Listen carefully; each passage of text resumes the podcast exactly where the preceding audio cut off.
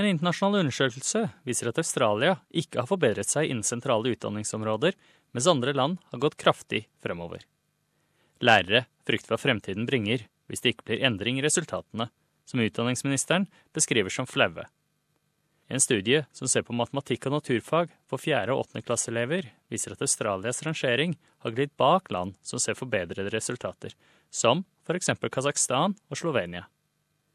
Resultatene kommer fra TIMS, Trends in International Mathematics and Science Study, som kommer ut hvert fjerde år. Professor Nalini Joshi fra University of Sydneys School of Mathematics sier at det er et område som trenger større oppmerksomhet. I call it abysmal, actually. Um, if you look at the scores rather than the rankings, then what's happened is that Australia's basically remained level while other countries have accelerated past us.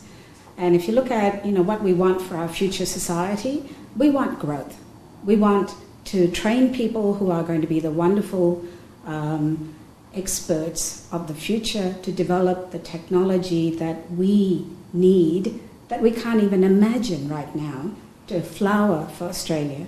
And that means we need people trained in science and mathematics.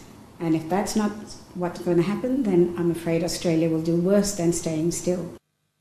Etter 20 år med testing er Australia midt på treet, og fremgangen stagnerer. Professor Joshi sier at det er et multidimensjonalt problem som må undersøkes på mange nivåer, og faglig utvikling av lærere spiller en stor rolle.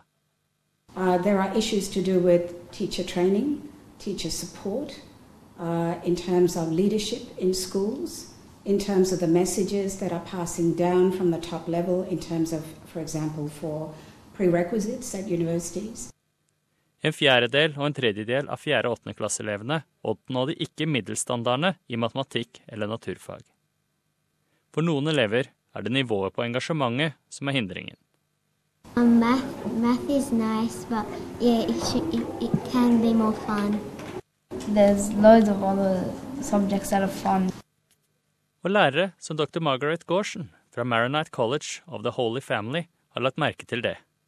It's not just so much pushing and getting tutors, it's and what kind of tutors also is a, a big issue. It's allowing the kids to enjoy the subject, to delve into it, to ask the questions, to ha- show critical thinking. Um, and, and until they do that, no matter what we do, they're not going to show an interest. So we need to make maths, science exciting. Hun sier det være kostbart, men fordelene med økt finansiering er klare. It's necessary. I mean, as we see, Australia's plummeting in, in our where we are in the world, and and I did go to a conference recently, um, and it was very clear. Finland and a lot of the other countries that are doing exceptionally well in literacy and numeracy. It's because their government has placed a lot of money and funding into schools. I mean, we might say it costs a lot and it's too much money, but in the end, we reap the rewards. When you've got a country which is, you know, doing extremely well in literacy and numeracy, it benefits everyone. Kunnskapsminister Simon Birmingham sier statistikken er en wake-up call.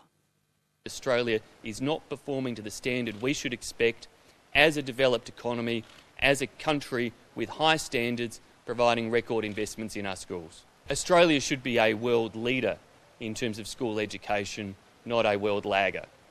Of course, there are things that we can learn from other countries, uh, and I want us to listen clearly to the evidence that's there